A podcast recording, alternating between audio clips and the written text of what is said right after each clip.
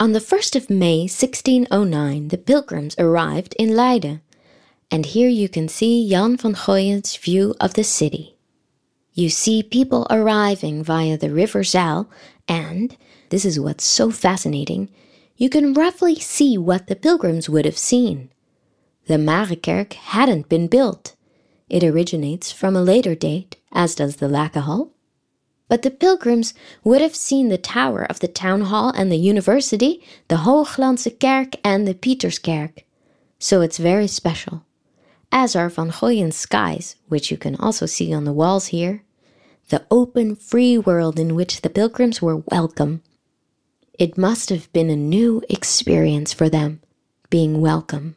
Welcome as workers, but also welcome with their faith.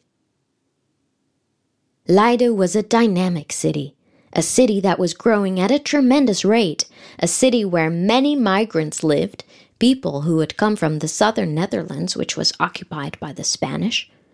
So there were Protestant refugees from the southern Netherlands, but also from Germany and France, who came to the Dutch Republic, and to Leiden in particular because there was work.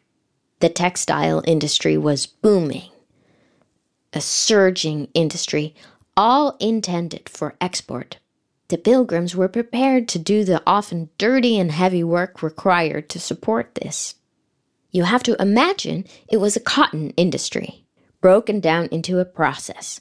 One person would sort the wool before it went to the next worker who would spin it, and then it went to the weaver, and then to the next house where it was fulled. Then it had to be shrunk.